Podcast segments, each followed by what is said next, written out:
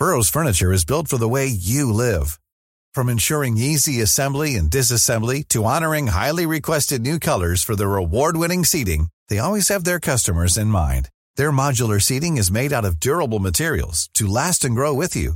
And with Burrow, you always get fast, free shipping. Get up to 60% off during Burrow's Memorial Day sale at burrow.com slash ACAST. That's burrow.com slash ACAST. burrow.com slash ACAST. Hey, it's Ryan Reynolds, and I'm here with Keith, co star of my upcoming film, If, only in theaters, May 17th. Do you want to tell people the big news? All right, I'll do. Sign up now and you'll get unlimited for $15 a month in six months of Paramount Plus Essential Plan on us. Mintmobile.com slash switch. Upfront payment of $45 equivalent to $15 per month. Unlimited over 40 gigabytes per month. Face lower speeds. Videos at 480p. Active Mint customers by 531.24 get six months of Paramount Plus Essential Plan. Auto renews after six months. Offer ends May 31st, 2024. Separate Paramount Plus registration required. Terms and conditions apply if rated PG. I'm Sandra, and I'm just the professional your small business was looking for. But you didn't hire me because you didn't use LinkedIn jobs. LinkedIn has professionals you can't find anywhere else, including those who aren't actively looking for a new job but might be open to the perfect role, like me.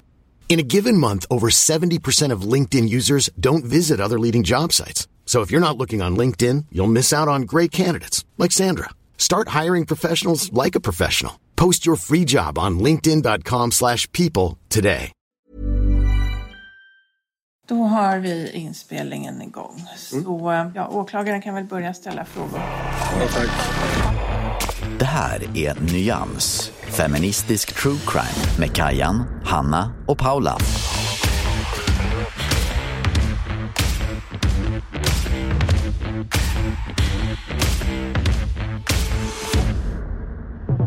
Och den första, och vi säger den första rättegången, startar i Stockholms tingsrätt i januari 1988. Bra jobbat Kajan, verkligen. Riktigt bra jobbat. För det är så mycket som är annorlunda från idag. Inte minst eh, som, den här, som den här grejen med att eh, domst- eller åklagaren försöker trycka på att de är så sexuellt avvikande för att ja, någon, någon kollar på en porrfilm. Liksom. Men vi kommer gå in på det mer. Men bara, bara lite så här ramarna med när det kommer till dom, domstolen. För det här är lite speciale. Det här, den domen jag kommer gå igenom nu är egentligen den andra tingsrättsdomen. För det som händer är att det hålls en rättegång i tingsrätten som sen överklagas till hovrätten.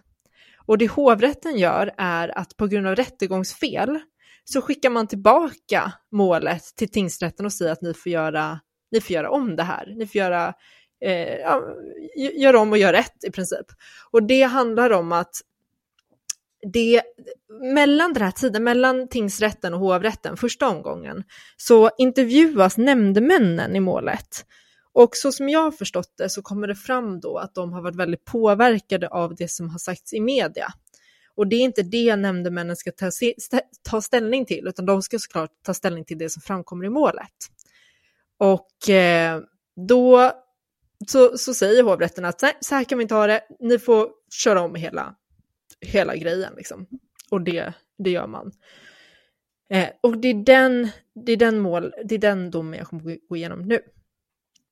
I den första, så hoppar jag direkt tillbaka till den första tingsrättsdomen. Buried me, det här är, för, det, det är lite förvirrande. Men i den första tingsrättsdomen ska jag i alla fall bara säga att där blir de dömda. Eh, så de blev dömda i omgång nummer ett. Det här är en dom som stora delar av domen bygger på vittnesmål, där domstolen återger vittnesmål. Och det har ju Kajan gått igenom i, i stora dag, drag. Och jag tänker att jag ska lyfta fram det som hovrätten, nej, hovrätten tingsrätten, eh, liksom lägger mest tyngd vid.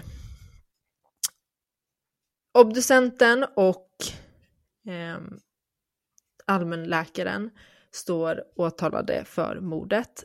Eh, men också som, som kan jag vara inne på så står också allmänläkaren åtalad för grov otukt med ba mot barn och grovt sexuellt utnytt utnyttjande av minderårig. Och det här är ju rubriceringar som inte finns idag, utan idag så hade man antagligen sagt våldtäkt mot barn.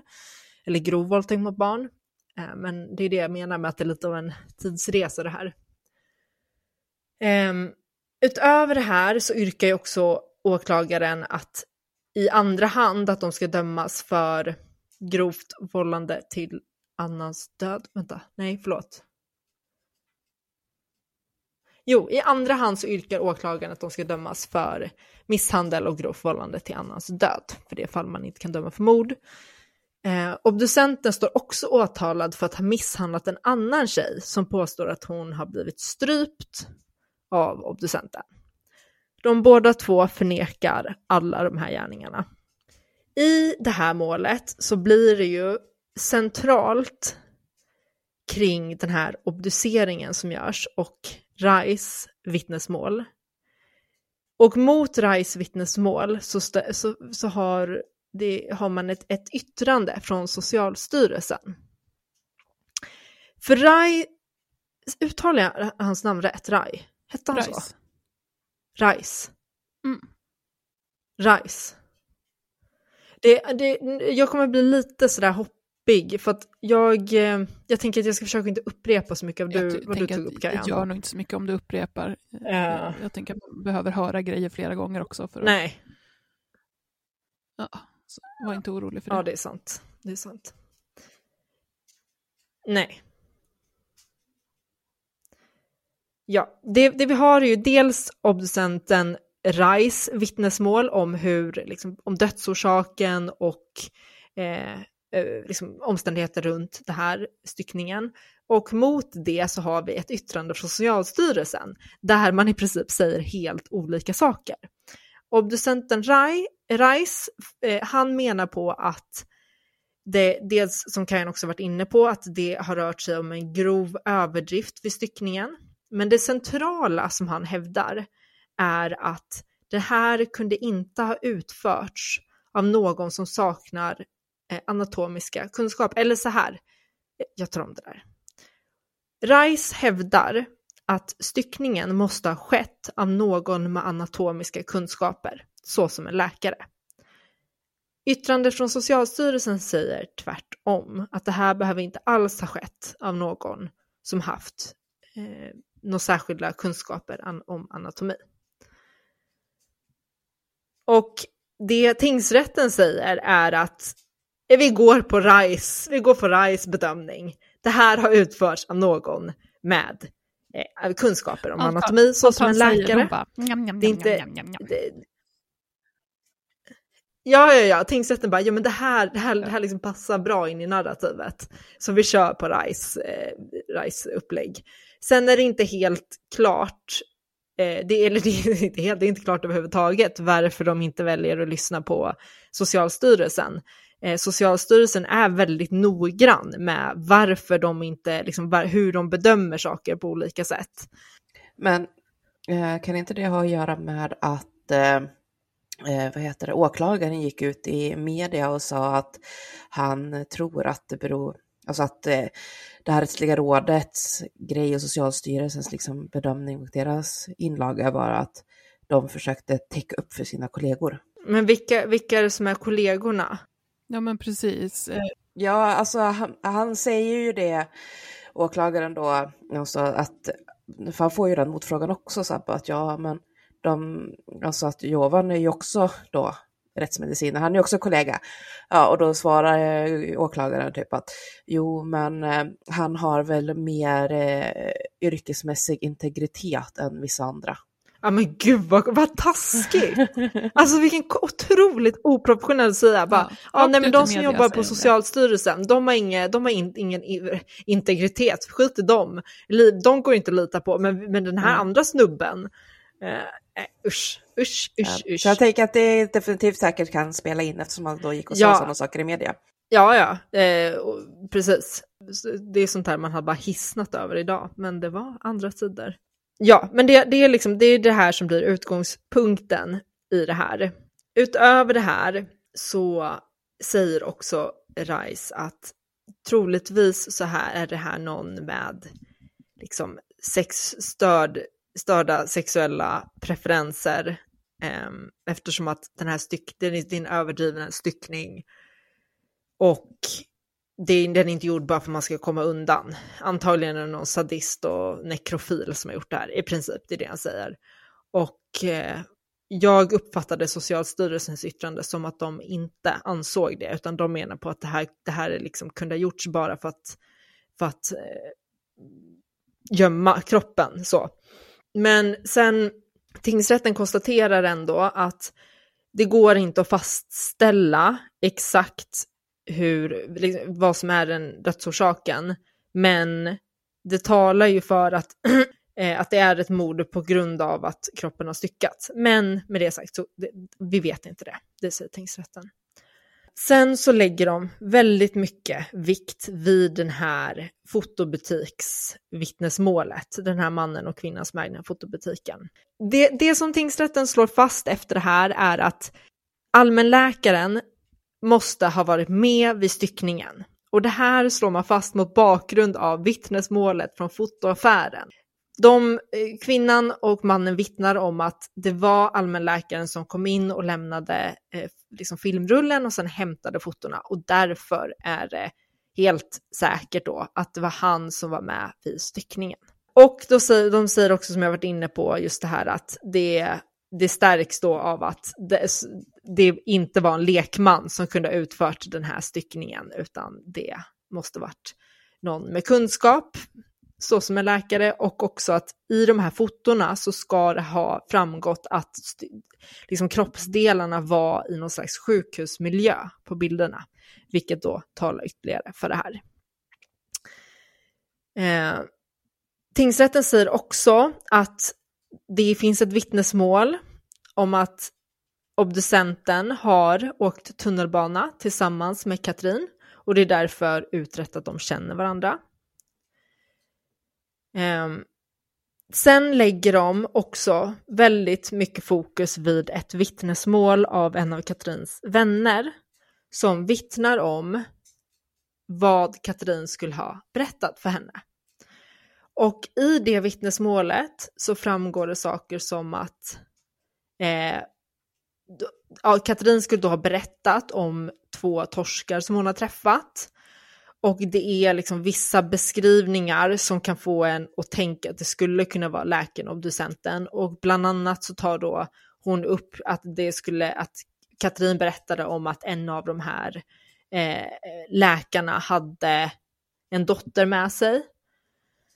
Och då tänker man då att det är, ja, en dotter, ja, då måste det vara de här. Eh, och då berättar, hon berättar då också om ett, att Katrin skulle ha berättat, det är väldigt mycket så här i det här målet, berättade om att berättade, berättade det här. Eh, det här är inte önskvärt, en side-note, det här är inte önskvärt i brottmål. Utan man vill liksom komma att, från, man vill att den källan ska berätta, inte berättade, berättade, berättade det här inför, alltså man blir helt snurrig, bara att förklara för er är, eh, alltså. Nu ja. tänker jag på eh, på Johnny Depp-rättegången. Att så fort ja. det var något så här, eh, ja, och då sa hon att eh, hon hade hört att de bara objection, hearsay, hearsay. Ja, ja, ja, men i Sverige så går det hur bra som helst. Ja, hörsägen funkar utmärkt. Eh, jag, jag blir typ förvirrad ja. själv när jag berättar. Oh, Jag vet. Nu, nu gör jag ett nytt försök. Katrins vän X, vi kallar vännen X, vittnar i tingsrätten om att Katrin berättat för X eh, massa saker. Bland annat då om att en av Katrins torskar skulle haft en dotter med sig. Och X berättar också om eh, ett tillfälle då Katrin har berättat för henne att hon då skulle haft en trekant med två läkare och att då eh, en av läkarna hade med sin dotter vid det tillfället. Och då tänker tingsrätten, aha, det här är garanterat obducenten och läkaren. Och utöver det så är det så här att det här visar ju också på att de har störda, en störd liksom sexuell sexualitet i princip.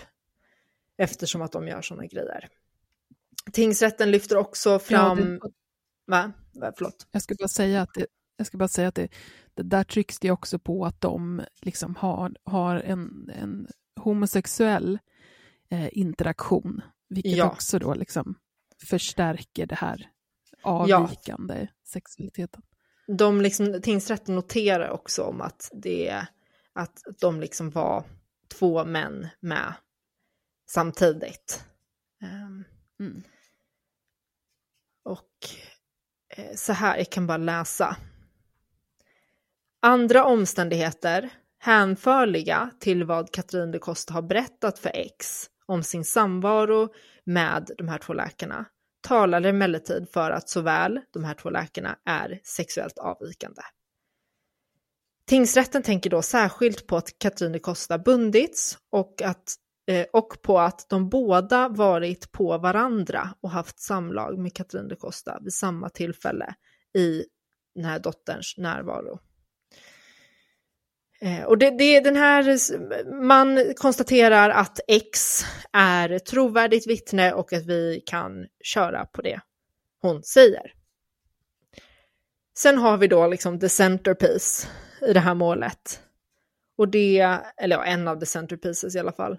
Det är dotterns, eh, det är dottern, eller egentligen det korrekta sättet att uttrycka det är, det är mammans vittnesmål. Alltså en allmänläkarens exfrus vittnesmål.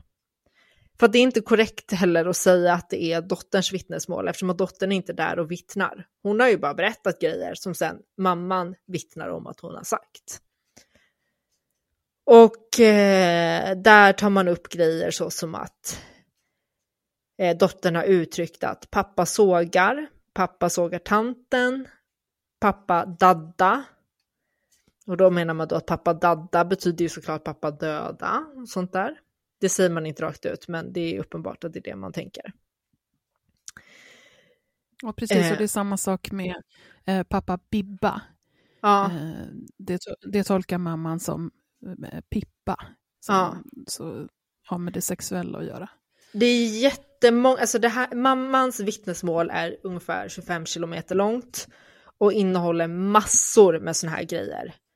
Där dottern säger saker som, amen, pappa Bibba, pappa Dadda och sånt där. Och där hon bara utgår från att det är det här det betyder. Jag kan bara som en side-note att det här är lite så här ett klassiskt problem i bland annat i vårdnadstvister. Där en av föräldrarna har hört barnet berätta saker och sen berättar man det i tingsrätten. Men där, ofta säger tingsrätten att så här, nej, men vi, kan inte, vi kan inte gå på det här eftersom att vi vet inte om du har hur du har påverkat barnet, för barn tenderar att vilja säga saker som gör föräldrar nöjda och så vidare. Och så vidare. Så det här är liksom ja. inte, nu är, nu är vi för sig tillbaka 40 år i tiden, men idag så är det här liksom inte okänt, den här typen av problematik. Eh, tingsrätten konstaterar också att dottern inte är psykiskt störd och att vi därför kan lita på hennes vittnesmål. Och det här tyckte jag också var ganska intressant, att det, det tingsrätten säger ungefär så här, ändra så konstaterar vi att dottern är psykiskt störd och så avfärdar vi vittnesmålet och det hon säger. Eller så är hon inte det och då måste vi lyssna på det. Det liksom finns ingenting däremellan. Ja. Det är 100% på den ena sidan eller den andra.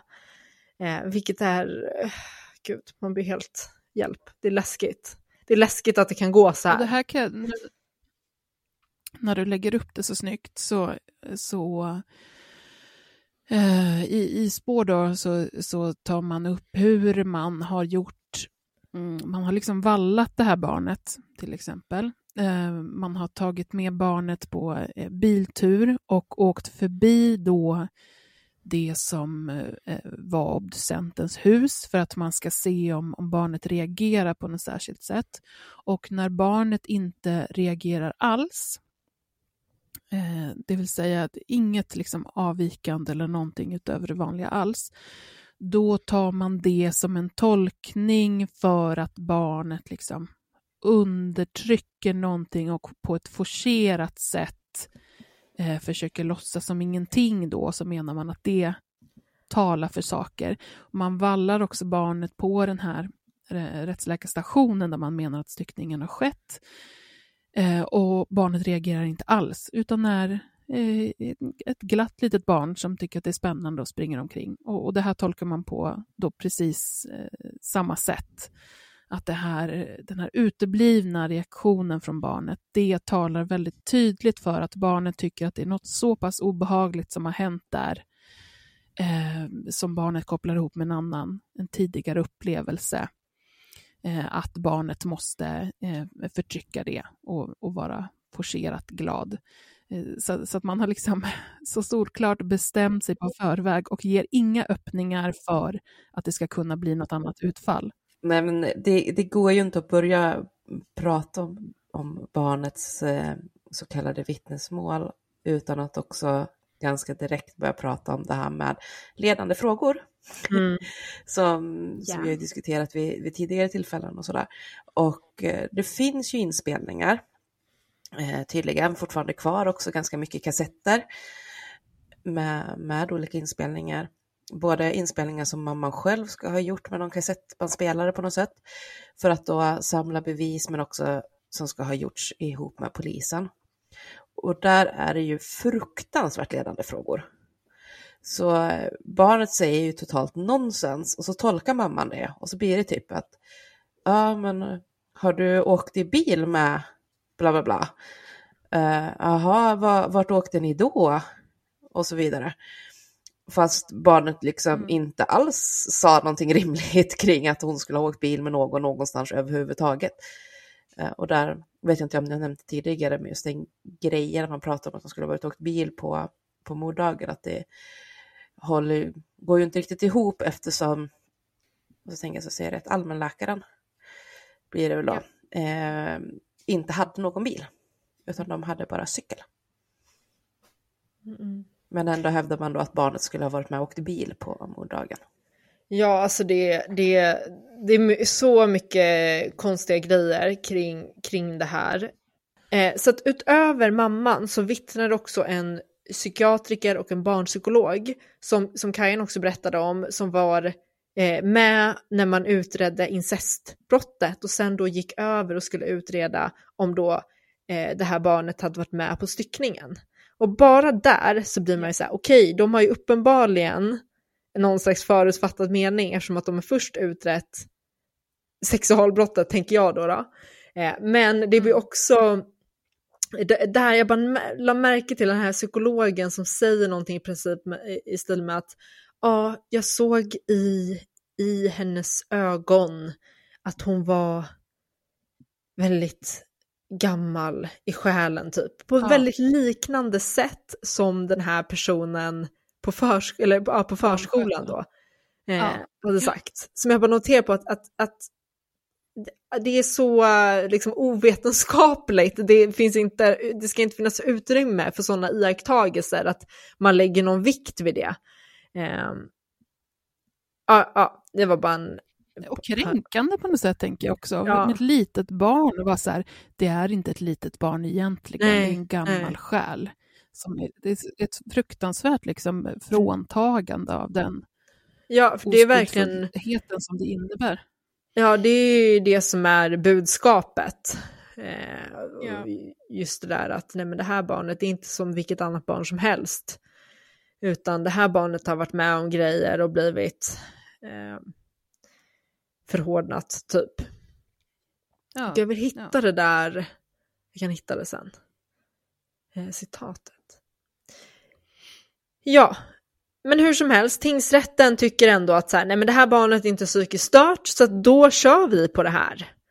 Eh, de här grejerna. Och sammantaget så, så eftersom att den här dottern då har varit med på styckningen så, så måste det här ha hänt. Så att det tingsrätten gör är att de skriver att det är ställt utom rimligt tvivel att läkaren och obducenten har styckat kroppen. Och detta trots att det inte är en del av åtalspunkterna? Nej, åklagaren har inte åtalat för brott mot griftefriden eh, för att det här brottet är preskriberat. Men tingsrätten säger ändå att eh, hade det här brottet inte varit preskriberat så hade de kunnat dömas för brott mot griftefriden. Det här, de frias däremot från äh, åtalspunkterna mord, misshandel och vållande till annans död.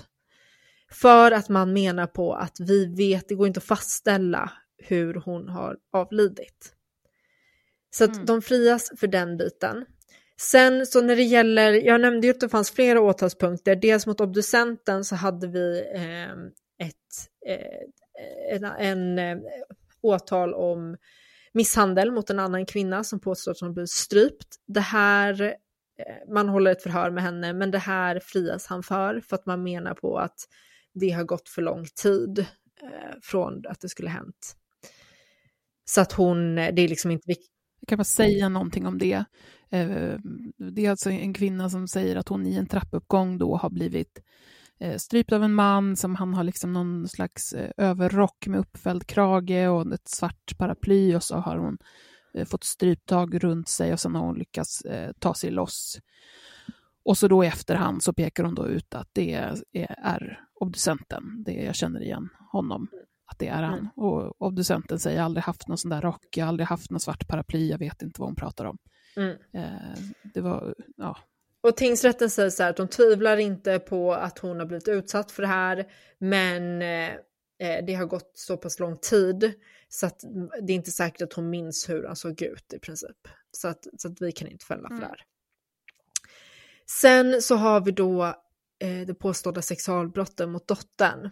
Och det frias, och, eh, det frias allmänläkaren för. Allmänläkaren frias för eh, den påstådda våldtäkten mot dottern. Och eh, där menar man på att åklagaren inte lyckats uppfylla sin bevisbörda. Eh, och då, jag tänker bland annat på att så här, under, när de gjorde den här utredningen om incest så gjorde de, de, de sövde ju till och med dottern för att undersöka ja. henne. Alltså förstår ni vilket ingripande det är? Eh, att söva är inte, liksom under narkos är inte riskfritt. Eh, det kan ju också sägas om det här med de här incestanklagelserna att mamman bland annat säger att hon tycker sig se då att barnets mödomshinna är försvunnen, mm. vilket får alla eh, larmklockor i huvudet att ringa samtidigt. Vad gör, vad har, vad gör hon? Mm. Eh, också den här dagispersonalen liksom pratar om att ehm, barnets kön är väldigt utvidgat på olika sätt. Och det här tittar ju läkare på och säger att det, det, det finns ingenting sånt, det syns inget sånt. Mm. Men bara de här sakerna de säger känns verkligen som att de har varit där och grävt och liksom Ja, men det, de har ju varit, ja, alltså det, det, ju, det pratar de ju mycket om, att könet ser annorlunda ut, att det har varit ut, att det, som du säger, det är utvidgat, mödomshinnan är borta. Eh, så det lägger man ju mycket fokus vid. Eh, och det är ju det, är otroligt olustigt. Ja, jag skulle precis väldigt obehagligt läsa. Jag vill bara flika in innan vi går vidare för den petiga eventuella lyssnaren och sådär att eh, vara tydliga med att eh, det finns ingen mödomshinna att sakna. Nej. Så att eh, bara, bara en sån grej också blir ju jätte, jättekonstigt liksom. Att det är ju ingen hinna liksom. Det. Nej, det är, precis. Det finns ett väck möjligtvis. Ja, man kan säga. En liten, liten hudslamsa. Ja, och hos vissa kan ju den täcka hela vägen. Men då kommer det inte se ut som en hinna utan då ser det ut som att det sitter skinn i vägen. Mm. Eh, men apropå den, vilket gör det här ännu mer intressant, för tingsrätten säger också så här, att barnet har sin mödomshinna kvar. Vilket det är ja, som, de, de lyfter fram det särskilt, så här, det här, som, som att det är de starkaste skälen till att en, en våldtäkt inte har skett, för då den här mödomshinnan är kvar. Och det blir så, det blir så märkligt nu när man läser det här 40 år senare. Bara, att, att, att det, man bara, det finns ingen hinna, vadå hinna? Vadå hinnan liksom? Ja, men alltså, det är så många saker som de utsätter det här stackars, stackars, ja. stackars barnet för. Bara att få idén att man, om man nu tror på det här barnet och tror att barnet har varit med om det här fruktansvärda, onämnbara, att se den här eh, styckningen och allt det som frångår, får idén att vi ska valla barnet på den platsen för att se hur barnet reagerar. Mm. Det är fullkomligt bisarrt. Det är ett barn som inte är tre år fyllda. Mm. Jag måste det, är, också... det, det här handhavandet med barnet är så vidrigt. Ja. Och sen, bara, sen måste jag bara poängtera också att st ska, startskottet för allt, hela, alla de här incestanklagelserna är ju liksom barnet var röd i skärten. Det, det var liksom, barnet var röd i stjärten. Det... Barnet var röd i stjärten och pappan hade en tendens att stänga dörren när han skulle ja. byta blöja. Vilket han själv förklarar med att han var ovan vid att byta blöja och blev stressad av att hans exfru då skulle stå och titta på och kommentera eh, kring blöjbytet. Så då stängde ja. han dörren för att få vara i fred och lära sig det där på egen hand. Det är så här, vilk, alltså, ja. så att, men, men det blir han i alla fall inte dömd för. Men det här är ju såklart mycket mer komplicerat än det här. De frias ju på alla grunder. Men på grund av att det står ju i domskälen, domskälen är ju förklaringen till varför någon frias eller fälls. Det står ju i domskälen att de har styckat kroppen och att det är väldigt troligt att de, att liksom, dödsorsaken är mord, men vi vet inte säkert, men det är sannolikt så, men ja, vi säger inte att det är det, men det är typ det. Så det står ju i domskälen, så de har ju i liksom, samhällets ögon blivit dömda för det här.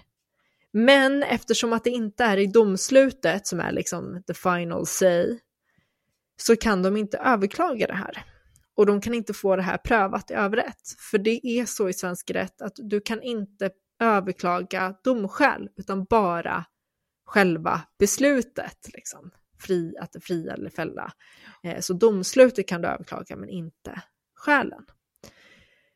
Och det här blir ju såklart ett eh, jätteproblem. Eh, åklagaren överklagar inte, så att det här blir inte överprövat.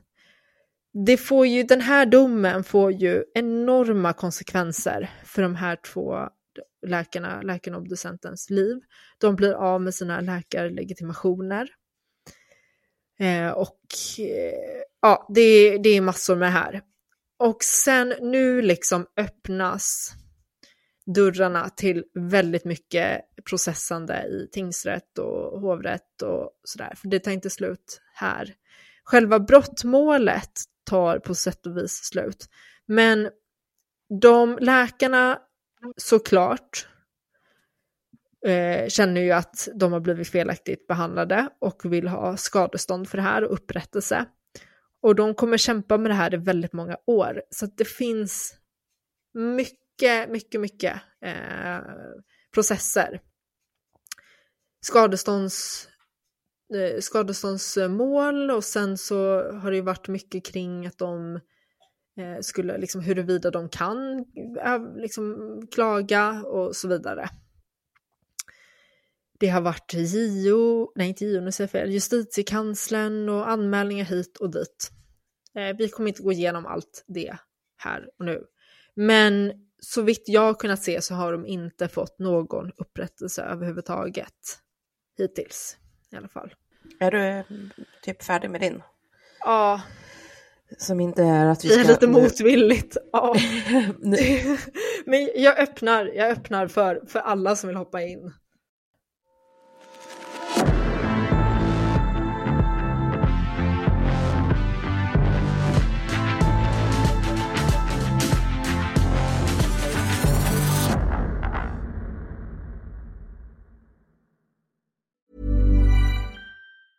Burrow is a furniture company known for timeless design and thoughtful construction and free shipping, and that extends to their outdoor collection. Their outdoor furniture is built to withstand the elements, featuring rust-proof stainless steel hardware, weather-ready teak, and quick-dry foam cushions. For Memorial Day, get 15% off your Burrow purchase at burrow.com slash ACAST and up to 25% off outdoor. That's up to 25% off outdoor furniture at burrow.com slash ACAST. Hiring for your small business? If you're not looking for professionals on LinkedIn, you're looking in the wrong place. That's like looking for your car keys in a fish tank.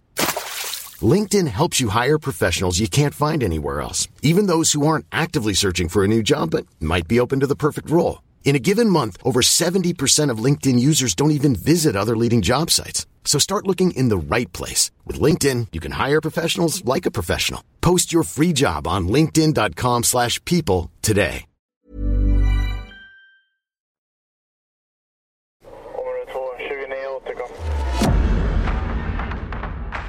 Nyans, feministisk true crime med Kajan, Hanna och Paula. nej men då så, då börjar vi dissekera det här. För att det finns ju mycket och vi kommer inte kunna ta upp allt. För att det, det är för mycket helt enkelt. Då är vi uppe i snarare egentligen det kanske att vi ska behövt fem, sex avsnitt eh, för att verkligen grotta i alla grejer. Men en sak som, som jag reagerar väldigt mycket på kring hur man liksom hakar upp hela den här grejen på barnets vittnesmål, eller snarare då mammans vittnesmål om barnets vittnesmål.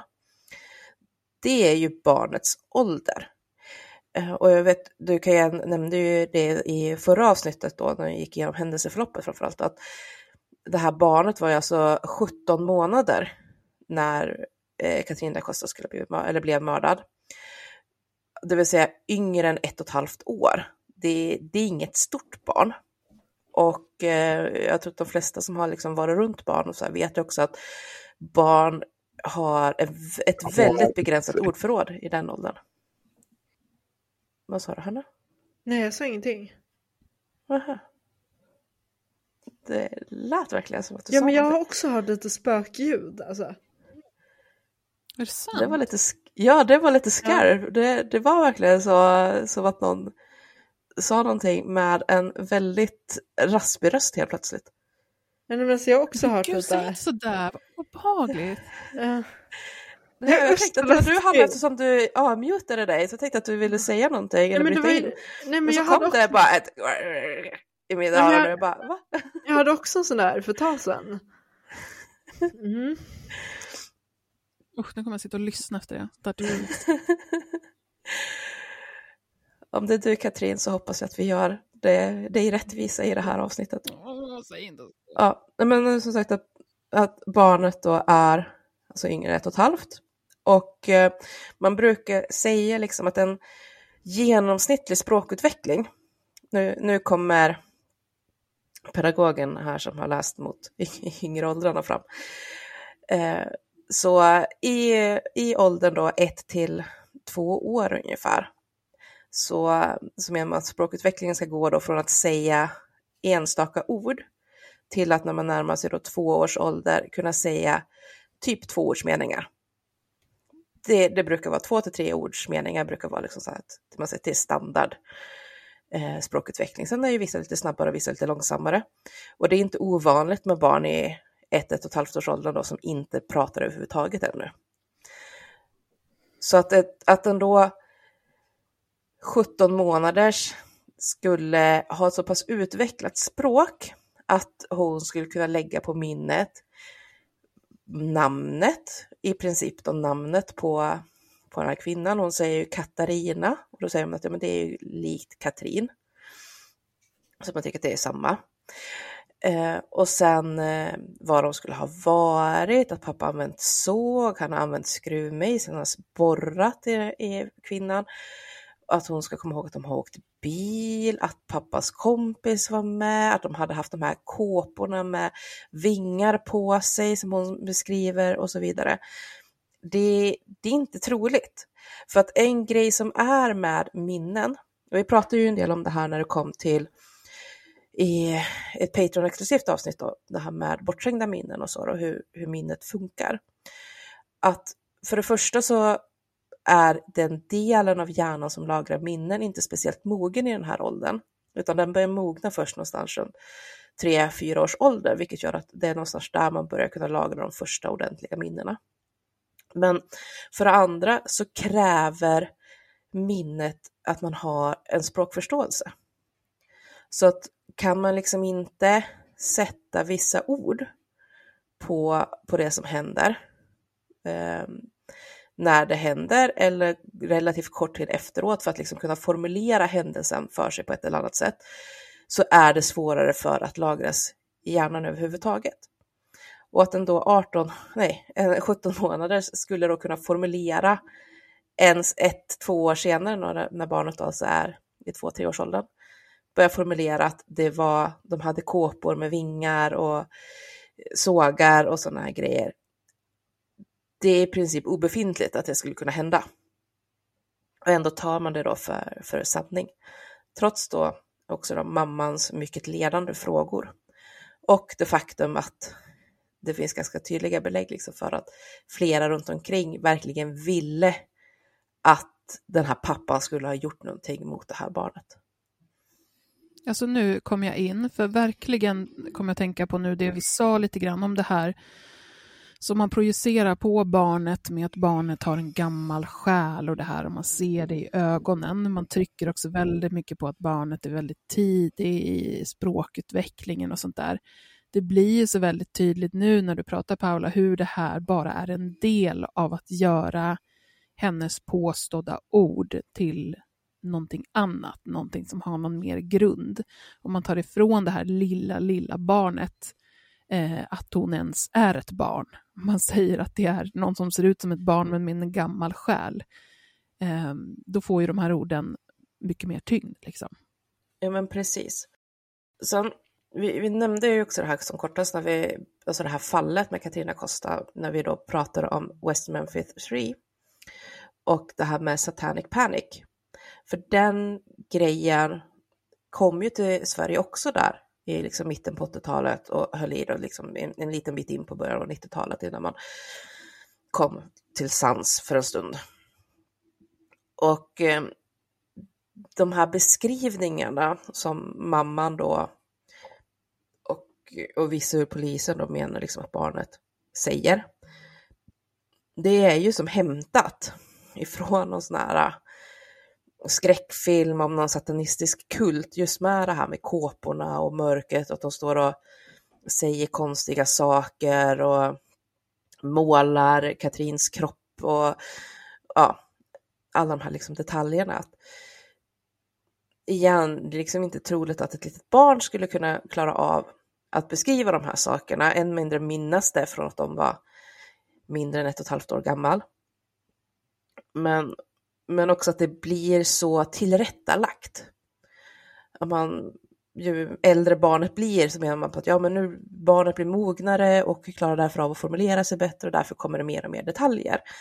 Men det är ju lite märkligt att de här mer och mer detaljerna också då magiskt är värre och värre grejer som spelar in mer och mer i, i den här rädslan och idén av att det här skulle vara någon form av satanistisk kult på två personer.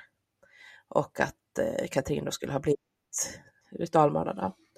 De här ritual, ritualmordsinslagen, jag tog inte upp det så mycket för att det är liksom inte med särskilt mycket i början utan det kommer ju verkligen sen. Men, men har inte du lust att bara, eftersom att jag inte nämnde det, kan inte du bara sammanfatta de här, nu sa du det lite grann, men de här ritualmordsinslagen, de skulle ha stått i några kostymer och typ mässat saker. Var det, var det något mer?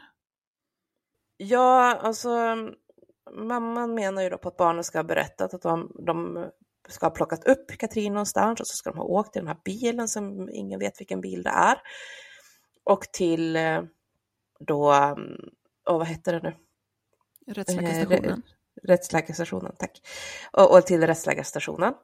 Och där ska de ju då ha gått ut och tagit med sig Katrin in utan att bli sedd av någon och sen gått tillbaks ut och hämtat dottern och gått in och då blivit sedd av det här vittnet med hunden.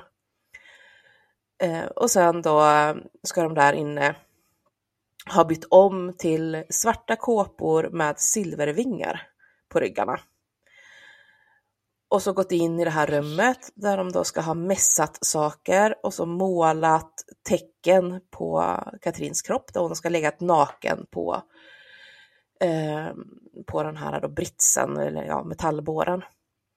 Och därefter så ska de då med hjälp av skruvmejsel, borr och såg eh, på olika sätt då ha styckat Katrins kropp medan det här eh, lilla barnet står bredvid och tittar på och lyckas lägga allt på minnet.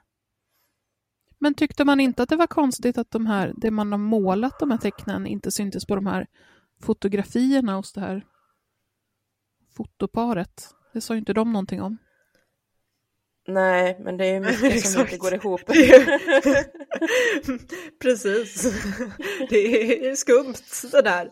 Men det här, ja. det här med ritualerna blir ju inte, tingsrätten lägger ju ingen vikt vid ritualbiten på det sättet. Men däremot så gör ju åklagaren gör ju en stor affär av att framförallt eh, obducenten skulle vara väldigt sådär avvikande. Eh, och då lyfter de, och jag tänker just på det här det, det Satanic Panic-grejen. De lyfter bland, bland annat fram att han då äger våldsamma filmer. Och då är det bara så här, okej, okay, ja det gör ju då att man är en mördare eller vadå. Men det är också så här intressant för sen kom det ju fram att ja, han äger våldsamma filmer, men han är ju också en gillar att titta på film och äger väldigt många filmer som är helt vanliga. Och det här var bara några stycken nu, liksom den stora samlingen. Eh, sen så lyfter åklagaren också fram att, ja, men de, att de hittade under husrannsakan en, do, en docka med någon slags snöre runt halsen och en bok om styckmord och att det då talar för det här. Men då också så här, man måste ju komma ihåg, så här, men vad är det han jobbar med? Jo, han är rättsläkare. Han undersöker eh, dödsorsaker och hur eh, i liksom rätts, ett rättsperspektiv också, så det är klart att han är intresserad. Det var bara en, en Ja, och de här filmerna, det var liksom inga, det var inga snafffilmer, utan det var ju typ Motorsågsmassakern. Alltså ja, det var ju så här mainstream-filmer. Filmer. Ja, ja. ja, helt vanliga filmer. Men det är också en sån här lite tidsmaskinsgrej, kände jag, när jag läste det. Att man tar upp den som... verkligen. Oh ja, moralpaniken. Mm. Mm.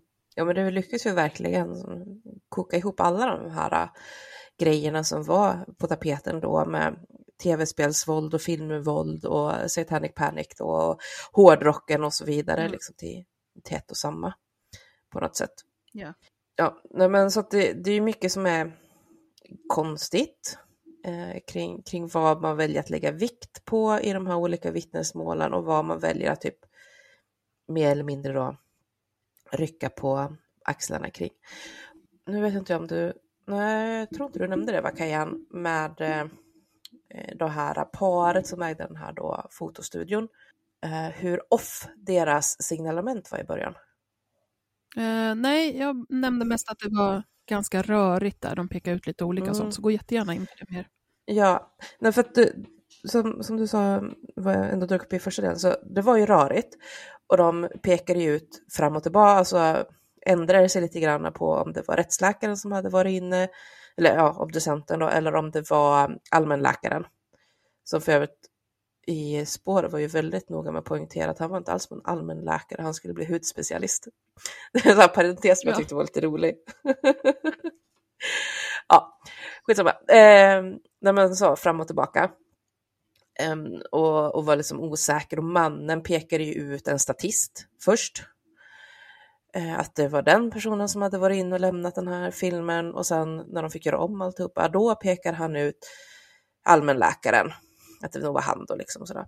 Men den absolut första beskrivningen, då var det till exempel av allmänläkaren då, att han hade beskrivit att han var tjock och liten, eh, ganska kort med, med väldigt så plutiga, tjocka läppar och sådär. Medan beskrivningen av allmänläkaren annars var att, liksom att han var en, en liten och tanig man som såg ganska trött och härjad ut var ju Absolut liksom inte kort och tjock med plufsiga kinder och stora läppar och sådär.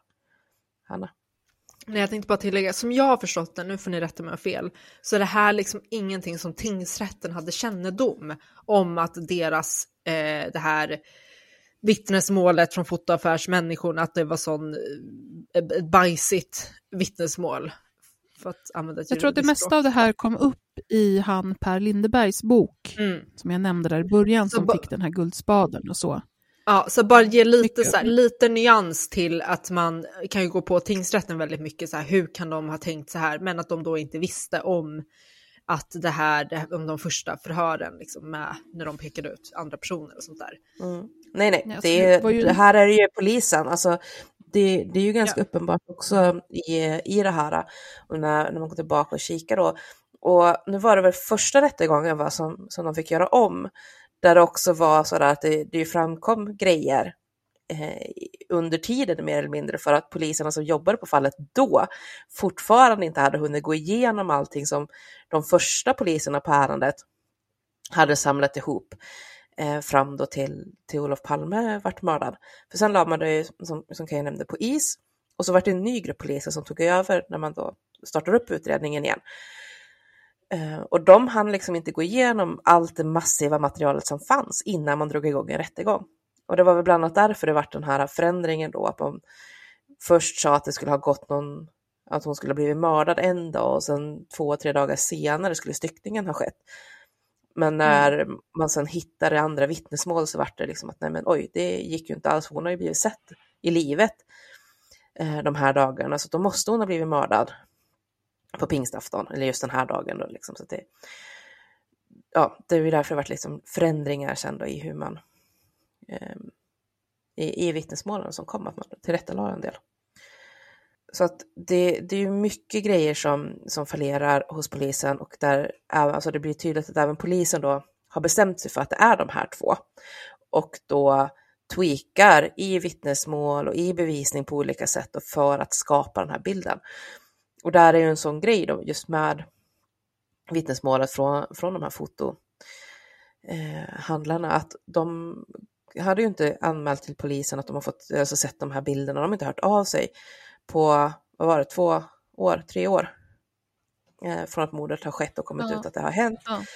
Eh, till att de till sist då hör av sig, utan de hör av sig först när det nämns i media att man tror att det här skulle ha kunnat blivit fotograferat. Då hör de av sig och säger, hävdar att de har sett de här bilderna, men de har inte kvar dem så de kan inte bevisa det.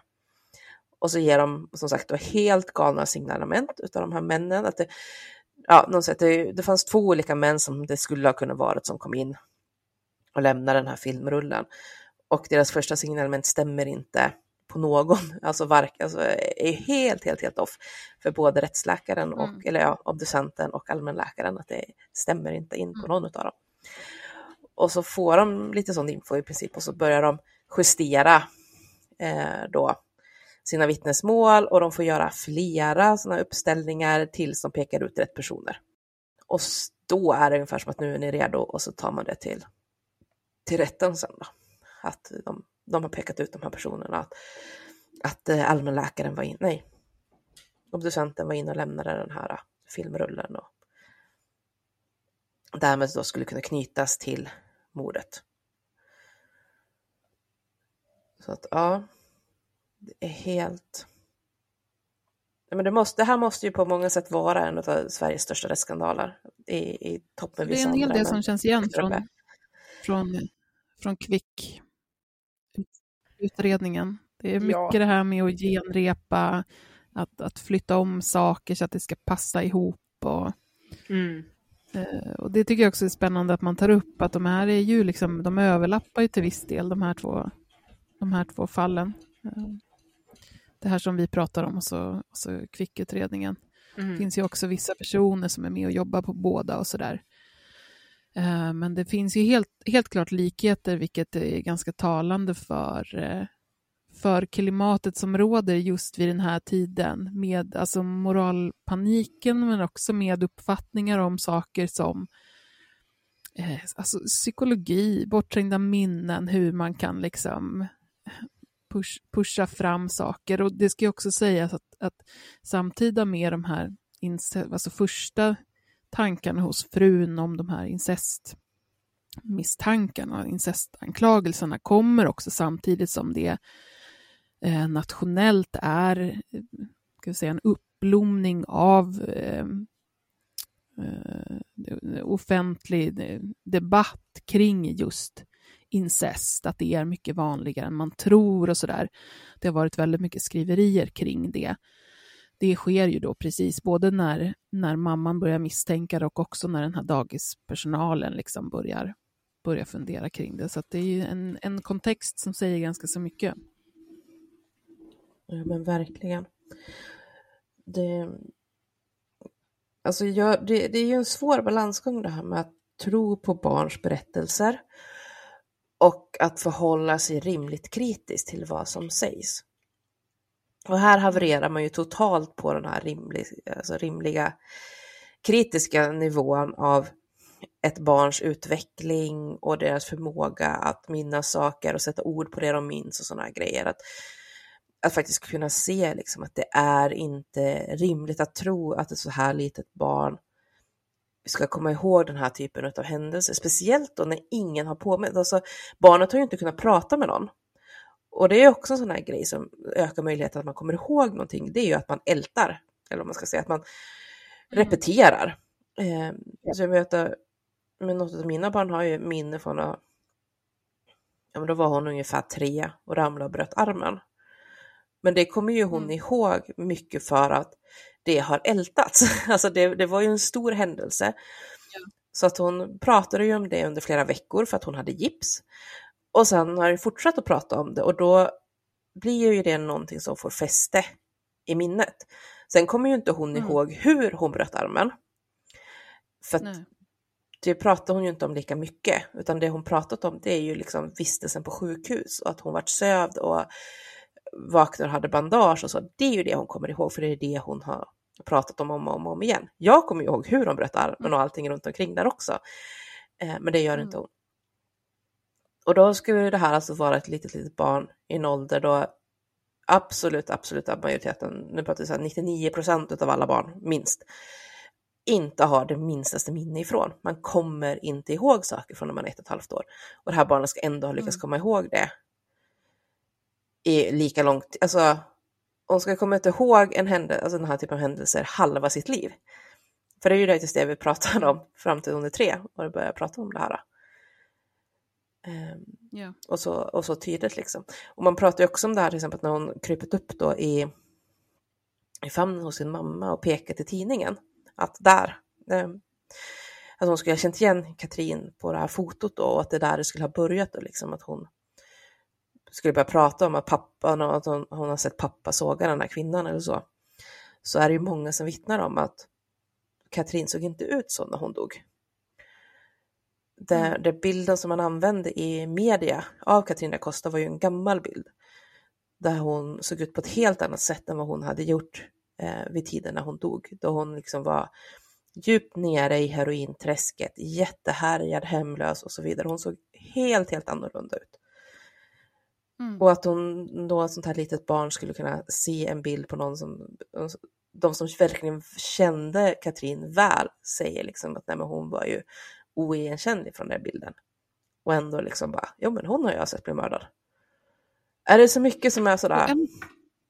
Ja, en viktig sak ja. tänker jag också med, med barnets, det mamman berättar då att barnet säger, är att det är ett fantastiskt urval som, alltså dels så, så får vi utgå ifrån att eh, mamman gör ett väldigt urval eh, i vad då som hon väljer att rapportera vidare eller då eh, tolka eller vad, vad man nu ska säga. Eh, men sen är det också ett väldigt urval i vad man väljer att ta upp under liksom, förhandling och sådär. Eh, det finns ju massor med saker som barnet säger som inte liksom, har någon förankring i verkligheten. Det finns hela det här med att man pratar om eh, sotaren, sotare som sotar barn. Eh, det finns också att eh, hon tar upp, liksom, namnger två andra barn på dagis som då ska ha blivit borrade i. Och det finns alltså, väldigt många sådana där eh, saker som man liksom väljer att förbise på något sätt för att, för, för att de passar liksom inte riktigt in. För de, de, kan man ju tydligt se att de inte har hänt. Liksom.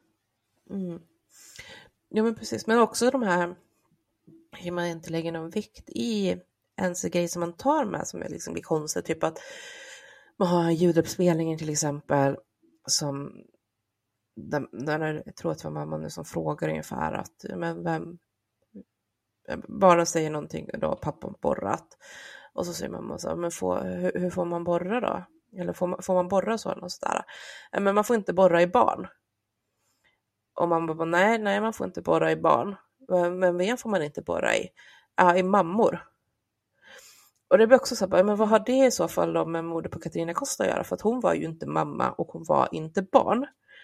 Och ändå är det den kopplingen barnet just nu gör. Att man får inte borra i mammor och man får inte borra i barn. Sen kan det säga, hon var ju vara... mamma, inte barnet. Nej, just det. Nej, förlåt, det är jag som glömde bort. Nej, men ja, barnet visste inte att hon var mamma. Men, men ja, sen går ju det också att förklara givetvis med att ett barn i den åldern för, kan ju tycka liksom att alla kvinnor är mamma. Eh, oavsett om de är mamma på riktigt eller inte. Jag har till och med för mig att den där liksom, ljudupptagningen var så att barnet så här, ja den borrar i väggen, så här, ja borrar i väggen, men vad får man inte borra i då? Eh, barn? Nej, barn får man inte borra i. Vad mer får man inte borra i? Alltså det är en totalt harmlös, ett harmlöst samtal som trots då att mamman leder in på vad, vad får man inte borra? Så jag pratar med mina barn, vad får man inte? Mm. Eh, och, och, men då tar det då och sen projicerar in all den här betydelsen i det. Det är väl mm. superbra om man frågar ett barn vad man inte får borra i och barnet säger eh, barn eller mammor, alltså saker som hon tycker är värdefullt. Mm. Ja men verkligen. Det, eh, det, det är lätt att liksom stanna upp vid just barnvittnesmålet för att så himla mycket ju hängs upp på det. Men man vet ju också att mamman ändrar ju i vad hon hävdar att barnet ska ha sagt och tidsramar och sådär. Till exempel hon ändrar ju tidpunkten då för när, eh, när allmänläkaren skulle ha gått iväg med barnet. Och att eh, eh, ja, först hade hon sagt liksom att de gick nog iväg på eftermiddagen någon gång vid ett, halv två tiden sådär och var borta några timmar. Några timmar. Men eh, sen eh, ändrade hon det då till att när, när det var nog på förmiddagen. Och det visade sig liksom att utan den ändringen så eh, skulle ju inte hennes vittnesmål funka ihop med andras vittnesmål. För då mm, fanns det ju med alltså, den här äh, äh, kvinnan med hunden som skulle ha sett dem då, de här två männen och barnet gå in ja, någon gång på förmiddagen vid 11, halv 12 tiden sådär, ja då funkar det ju inte att de skulle ha åkt hemifrån först två, tre timmar senare. Um, och det var ju någon på um, någon annan rättsmedicinare som, nej djurskötare, som, som skulle ha sett då eh, obducenten inne på den här rättscentralen eh, och, och vid nio kanske, halv tio tiden och sådär. Och sen hävdade ju Jovan då att, och, och hans fru att de skulle ha sett eh, obducenten i alla fall då, där på eftermiddagen. Och Jovan, det är eh. alltså Jovan Reis som är den där ansvariga rättsläkaren. Exakt. Och, och det mm, var ju osäkert från början liksom när, när han skulle ha sett det, säger han. Men eh, bestämmer sig sen för att jo men det var den dagen och börjar också prata om det här att det var så fint väder. Det vet jag att du nämnde med, med kvinnan med hunden, att hon säger att hon kommer ihåg det så väl för att det var, hon tyckte det var så konstigt att de här två männen gick in med det här barnet när det var så vackert väder. Och, och det var det ju inte, utan det var ju ganska kallt och blåsigt och regnade och liksom gråmulet och sådär. Men, men att även Rovan Jace då liksom bara, jo men det var, det var fint väder och vi skulle till några kompisar och och de här vännerna kan jag inte komma ihåg att de, de liksom att ja, så kanske det var, men vi minns det inte. Mm. Um, och Jovans fru säger också sen liksom att nej, jag vet inte om det var den dagen eller om det var någon annan dag, det kan det också ha varit och sådär. Medan då obducentens ex, nu då, ex-sambo, um, liksom säger att men det är ju jättekonstigt för vi hade ju en, eh, en gräv, maskin hemma hos oss som vi betalade för per timme och nu ska han ha varit borta nästan hela dagen. Mm. Um, och lägga ut en massa pengar då på att ha en, en grävmaskin stående där som inte blir använd och som de måste betala för. Och alla de här, alltså när man hör det liksom sammantaget så blir det så här så himla konstigt på att men hur, hur kan man ha trott på det här eller fått ihop det här när alla säger emot varandra på det här sättet eller det liksom inte stämmer och, och så. Och det, där är ju svaret till det liksom Hanna också sa att man tog inte upp det i rätten. Man tog inte med det från polisen i utredningen och sådana grejer, utan det kom ju fram först senare hur, hur mycket de här grejerna gick ihop eller liksom gick i, krockade med varandra, var det jag försökte säga. Mm. Mm. Jag, jag, tänker också att det här kan vara bara tillfälle att bara nämna att så här, åklagaren har ju en skyldighet att ta upp saker som både är till fördel och till nackdel för eh, den tilltalade. Att, åklagaren ska driva en objektiv, ska vara objektiv i sitt arbete och inte liksom under med alla möjliga medel se till att, att få den tilltalade fälld. Och det är det som skiljer, liksom, till skillnad från en försvarare. En försvarare ska ju bara ta hänsyn till det som är bäst för klienten. Men en åklagare ska ju vara objektiv. Eh, ja, bara en instickare liksom. Och det, ja, det, det, här... En annan sak, förlåt. Nej, nej det, är, det är klart. En annan sak om åklagaren som jag tänker att du går igång på, Hanna, det är ju att åklagaren innan rättegången går ut i media och säger att han känner sig rätt så osäker på om det här kommer leda till en fällande dom. Ja, och, och det vad är, ju... är åklagarens uppdrag? Ja, men alltså en åklagare ska inte åtala om hen inte känner sig säker på att det här kommer bli en fällande dom. Man ska ju inte Nej. liksom bara att ja, men vi, vi testar och kör, se, se vad det blir. Det är ju liksom inte det som och det är. Exakt, är... Det är exakt det han säger. Han säger, ja men jag tycker ändå att rätten ska kunna ta ställning till det här. Ja. Men jag känner mig väldigt osäker. Oh, suck. Jag skulle precis komma till det. uh, Sorry. Är det ingen fara? Jag tyckte också att för försvaret går ju ut och säger det. Att, ja, men det var ju märkligt att om han känner sig osäker då ska han ju inte åtala. Enligt lag får han ju inte ens åtala om han inte tror sig kunna driva det i, i hamn liksom, till en fällande dom.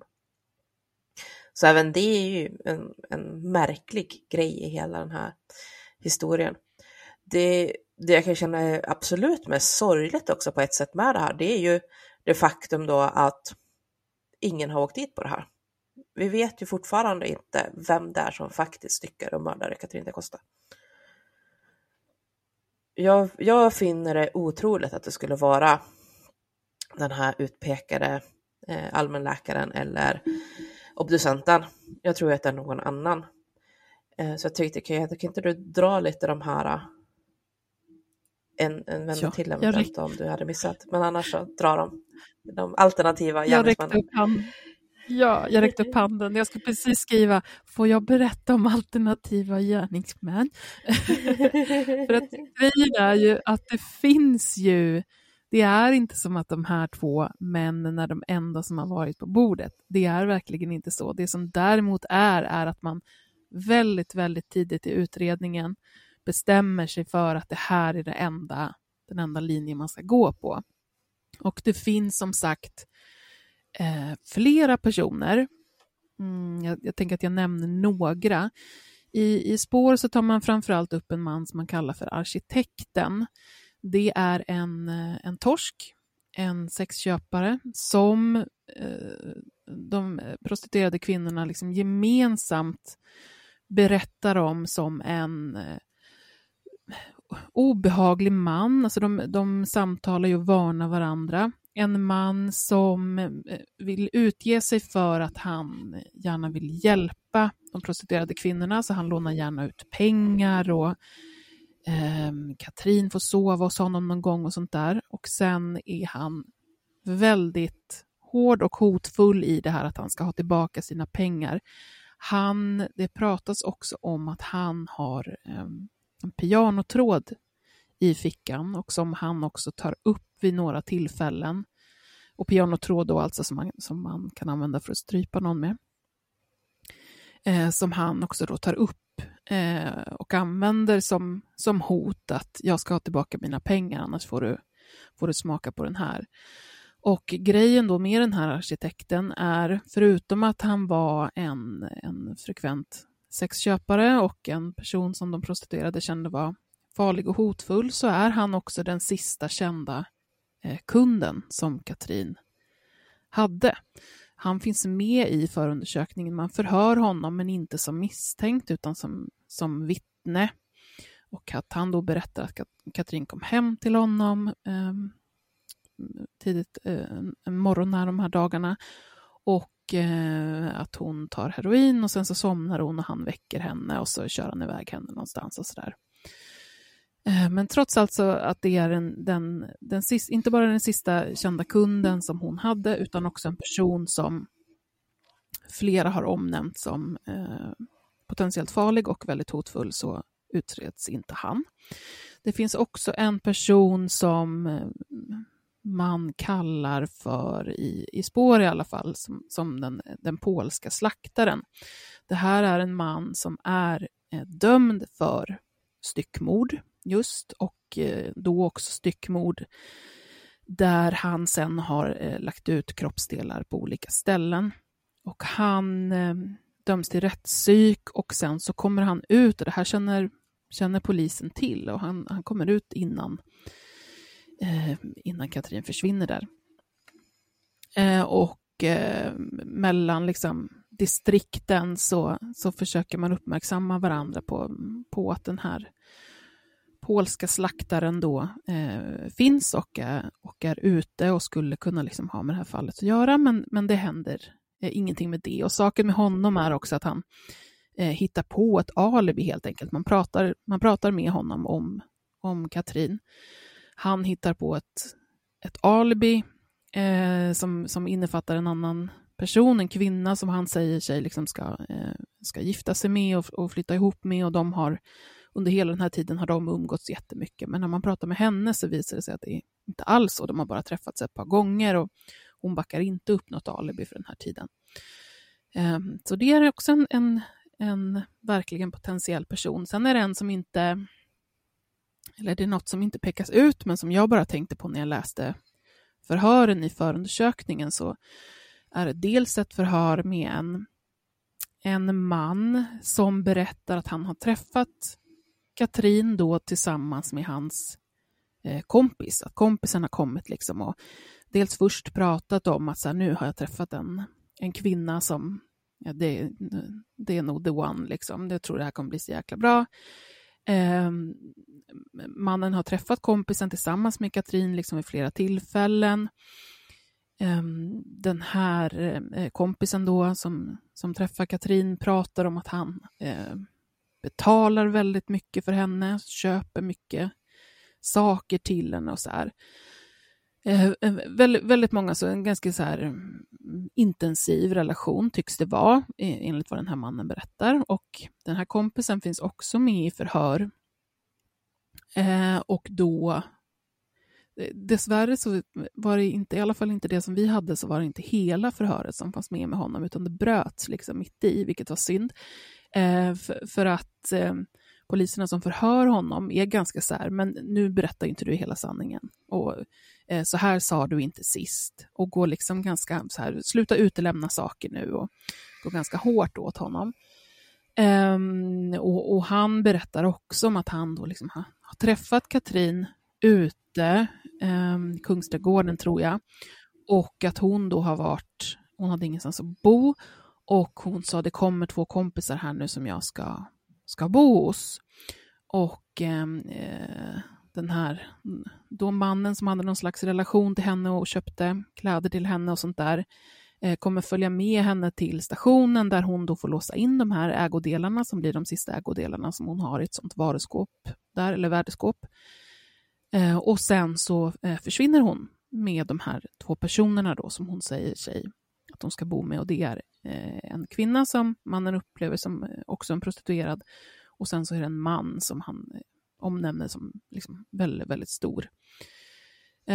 Så bara i det där finns det flera personer som är, skulle, kan man tycka, skulle kunna kännas mer logiska att titta på än obducenten och, och allmänläkaren. Missade jag någon? Nej, jag tror du fick med alla. Mm. Som, som jag kan komma på i alla fall. Det är ju några stycken. Uh, ja, det är ju ja, det. det är en hel del. Alltså mina, mina kort skulle jag ju satsa på, på arkitekten. Eh, men, mm. alltså det, dels då det här att han ändå erkänner att Katrin skulle ha varit hemma hos honom. Eh, han, det var han som säger att det är i närheten av hans födelsedag. Och att det därför borde ha varit då den elfte. Eh, som, som hon var där, eventuellt någon dag senare. Men absolut inte tidigare och det är han helt säker på. Eh, men, eh, men det är liksom, ja, man, man har svårt att få ihop lite i hans story, typ att hon skulle komma hem till honom vid fem på morgonen, skjuta i sig heroin och sen däckat och att han ändå skulle ha lyckats väcka henne väldigt tidigt. Där menar man på att men är hon då både trött och dessutom dragit i sig en massa heroin och så, så borde hon ju vara mer eller mindre medvetslös, inte någon som går att väcka tidigt, alltså efter bara någon timme av vila. Och, så att, eh, och det, det ja, och... ger ju också ett, ett, möjligt, alltså, möjligt händelseförlopp, att hon kanske helt enkelt dog av en överdos där. Och han får panik, styckar kroppen och gör sig av med den. Ja, uh, och, och, personer som är, eh, speciellt då män som, som någon har vittnat om är hotfulla eller sådär på något sätt, och som är bland den sista personen som, som en, en mördad har träffat, eh, ska ju vara ett av de första liksom, spåren man går på och utreder. Ja, ja men exakt. Precis. Och han menar ju på att han skulle ha släppt av henne i Kungsträdgården då, tidigt en söndag morgon och dragit. Och det är väl också, alltså det är också sån sak som känns som upplagt för att han då ska kunna mena på att ja men där, vem, vem vet vad det rör sig för folk där och det kan ju vara hur många som helst och men bygger ett scenario liksom där det verkligen blir då att ja, nej, ja, det är mer eller mindre omöjligt då liksom att luska ut vem det skulle kunna vara i det, i det läget ska ska säga en sak om den här polska slaktaren. Det är också så här, har du en person som, jag tror dessutom att han hade mördat fler, jag tror han hade mördat tre personer eller någonting, eh, som är dömd för ett likartat eh, styckmord, eh, som har suttit på rättspsyk, som kommer ut, som bor i närheten, som eh, eh, hittar på ett alibi som inte visar sig stämma. Eh, det, det, är en sån katastrof att man inte utreder det ordentligt. Sån katastrof. Mm. Mm. Mina pengar är nog på honom faktiskt. Ja, ja det står ju mellan de två, men ja, ja jag vet inte. Det är, det är någonting med eh, arkitekterna då. Ja, skitsamma. Vi kan inte bevisa någonting i vilket fall som helst. Men det, det jag ändå tycker liksom att hela det här fallet på något sätt symboliserar i all sin tragiskhet, det är ju verkligen det här, vilken katastrof det kan bli när de som ska utreda den här typen av brott inte går in förbehållslöst utan faktiskt fastnar vid någon. Och ganska tidigt i en utredning att man liksom tycker att men det här känns som den vi tror på och så bara springer man med den bollen utan att fundera på om det kan finnas någonting mer som behöver utredas. Vi ska också säga att eh, Jovan Reis har blivit eh, klandrad av, nu minns inte jag vad den heter, men det är, det är liksom en, säkert en nämnd eller liknande, eh, eftersom att han var så personligt involverad eh, i att, att peka ut framförallt då obducenten och få honom fälld. Och då samtidigt av åklagaren användes som eh, expertvittne. Eh, och åklagaren ja, han satt ju lite på dubbla stolar där. Ja, åklagaren kommer i efterhand och säger att eh, han visste inte det då, men när det kom fram hur mycket Rai satt på två eh, stolar så känner åklagaren i efterhand att han tvivlar ganska mycket på det som han har sagt. Eh, så har vi klargjort det också. Mm. Alltså, eh, bara ett snabbt ord om, om Jovan. Alltså det, han är en intressant filur. För det är ju, alltså han har ju gjort ett totalt haveri i det här fallet. Men samtidigt har han ju fått ganska mycket uppmärksamhet och beröm istället för hans inblandning i fallet Osmo Vallo. Som är ett helt annat fall som vi får ta mm. någon annan gång. Men det, ja, jag tycker att det, han är en spännande filur. Ja, vi kommer säkert återkomma till honom känns det som. Ja, det får vi göra. Um, nej, men vad säger ni? Ska vi avrunda med en liten snackis här i andra delen?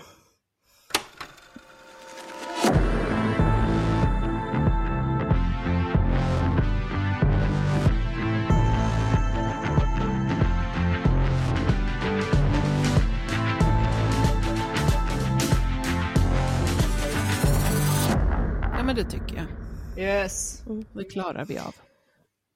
Gör vi det? Aj, Jesus. Uh, ja, Jag höll på att säga, vi får, vi får prata om den glädjande nyheten att jag snart har fått tillbaka ägandeskapet för våran podd på Apple. Jag visste inte så att vi inte hade ägandeskap. Ja. Du heller? Nej, men när, vi gjorde, när, vi gjorde, när jag gjorde bytet från Anchor till eh, Acast så ska man ju uppdatera RSS-adressen på iTunes, eller på, ja, det heter Apple Podcast Connect. Och jag kom ju inte in på min, eh, det Apple-id som jag använde. Mm. Och efter en jävla massa turer nu så fick jag någon sån här kod som jag skulle skriva in så att det hamnar i RSS-flödet så att de kan se att jag har kunnat gått in och redigerat app, eh, alltså i podcasten och därmed har rättigheter till podcasten. Och nu fick jag precis mejl att de har flyttat över till det Apple-ID som jag kommer in på. Oh vilket gör att jag nu kommer åt våran podcast igen och kan uppdatera RSS-flödet så att avsnittet faktiskt börjar komma ut på iTunes eh, korrekt igen utan att vi förlorar alla fina omdömen som vi har fått där. Yay! Gud, vilket meck. Ja, det, ibland är det saker som verkligen bara motarbetar allt. Men nu är det gjort så det är ju en trevlig grej för alla våra lyssnare också. Eh, som kanske har funderat på varför podden inte funkar som den ska på iTunes och det var det mycket strul. Men så är det ibland när man byter eh, server. Ja. Oj, nu kommer Joran också. ja, Joran. Hej. Ska du komma och sitta på den här? Nu, nu blir vi lite kroppspositiva podden. För jag tänkte att eh, veckans snackis eh, får bli ett visst klädmärke som jag bara skulle försöka hitta tillbaka till vad det är det heter. Brandy Melvin, eller Mel... Ja, precis. Brandy Melville. Melville. Ja. Hanna kom lite närmare bara. Eller hur det nu uttalas, för att det är väl ett italienskt Italienskt, ja. ja. Brandy Mel... Mel ja, skitsamma. Ja, det jävla skitmärket. Men nu blir det engelska. Brandy ja. Mel som då är ett klädmärke som bara gör kläder i storlek extra small eller small. Förut och sen har de vissa klädesplagg. ska bara se. Vissa klädesplagg som är i då oversize fit. Um, och det ska väl motsvara typ medium och därmed sitta löst på personer som är väldigt små. Och smala Ja, för tanken med de där oversize fit är ju att de ska vara jätte, alltså de är ju till för eh, personer som har typ excess i storlek egentligen. Ja, alltså tanken är ju att de ska sitta väldigt löst och se väldigt stora ut på personen som bär det, vilket gör att är de typ ish medium så ska de inte sitta som det på någon som har medium, utan de ska ju vara lössittande och stora. Så man ska se ännu lite mindre och fragile ut. Eh, och det, alltså deras koncept på det stora hela är ju att ha relativt billiga kläder så att de räknas ju som ett typ av budgetmärke. Men ändå upplevas som exklusiva för att det är en sån liten andel av världens befolkning som är så pass små att de faktiskt passar i de här kläderna. Och då är det ju liksom inte bara att man är liten viktmässigt utan också ganska korta människor. Eh, för att blir du väldigt lång så kommer man fortfarande liksom automatiskt också bli större på andra sätt, vilket gör att du får svårare att komma i liksom väldigt små kläder. Och eh, resultatet av det här är ju att man har kunnat se till exempel på Youtube hur unga tjejer framförallt då lägger upp tips och tricks och pratar om då hur de på olika sätt bantar för att komma i de här kläderna för att då kunna känna sig utvalda eller liksom belöna sig själv med kläder som få människor kan ha. Känslor, tankar? jag tänker att det finns ganska enkel lösning på sådana här saker. När det kommer upp sådana här fullkomliga idioter. Eh, går ut några person, alltså, kända personer som ändå ses som förebilder för det som är klädmärkets eh, målgrupp såga märket säg att det är så jävla fula grejer, så jävla töntiga grejer, de skulle liksom hellre dö än att ha dem på sig. Och så kväs den där skiten i, i direkt innan det blir något mm. mer. Men det värsta är att de här har ju hållit på hur länge som helst och det är ju en uttänkt, det är liksom en uttänkt affärsmodell där, mm. som går ut på just att skapa den här känslan av ut, utvaldhet hos, eh, hos kunden så att man då ska vilja köpa mer. Eh, och det, det, det, det, fun det verkar ju funka. Men jag bara tänkte så här, utöver det här så har ju det här märket också anklagats för eh, alltså, rasism, fettfobi, där ägaren har ju sagt typ någonting i stil med att eh, han inte vill att varken svarta personer eller tjocka personer ska jobba i butiken. Så det är ju liksom fullständigt genomruttet märke, rakt igenom, borde bara kastas på sophögen och brinna upp direkt. Mm. Ja, alltså, jag måste bara få nämna Förlåt, jag måste bara få nämna ett visst humble brag som jag fick när jag skrev om det här nu. Med en tjej som kommenterar att hon faktiskt inte kan, heller kan handla i den där butiken för alla kläder är för stora. Och det är väl inte hela världen, det är bara att handla någon annanstans. Men alltså, jag orkar inte! Alltså jag orkar alltså. inte! Alltså på riktigt, gud jag måste gå in och kolla på det här, fy fan ja, alltså! Ja, det, förlåt, alltså jag måste gå och lägga Joran, han står och stampar här nu. Ja. Ja. Um, så att vi får försöka avrunda. Nu är det kanske ja. dags, det kanske har varit julafton nu, eller så är det det typ idag eller imorgon eller, eller någonting. Det är någonstans eh, Men här. god jul! Ja, god, god jul, jul för fan! God jul! Åh, och nu ska vi gå och leka barn och sen så kommer vi höras eh, ännu mer vid det nya, eh, nya året och nya tag då. Tusen tack för alla som har lyssnat och hoppas ni uppskattar det här. Ni vet det vanliga racet vad ni ska göra. Gilla och kommentera och följ oss på Instagram och allt sånt. Och så häng med eh, nästa gång igen. Puss och kram och tack och hej. Hej hej!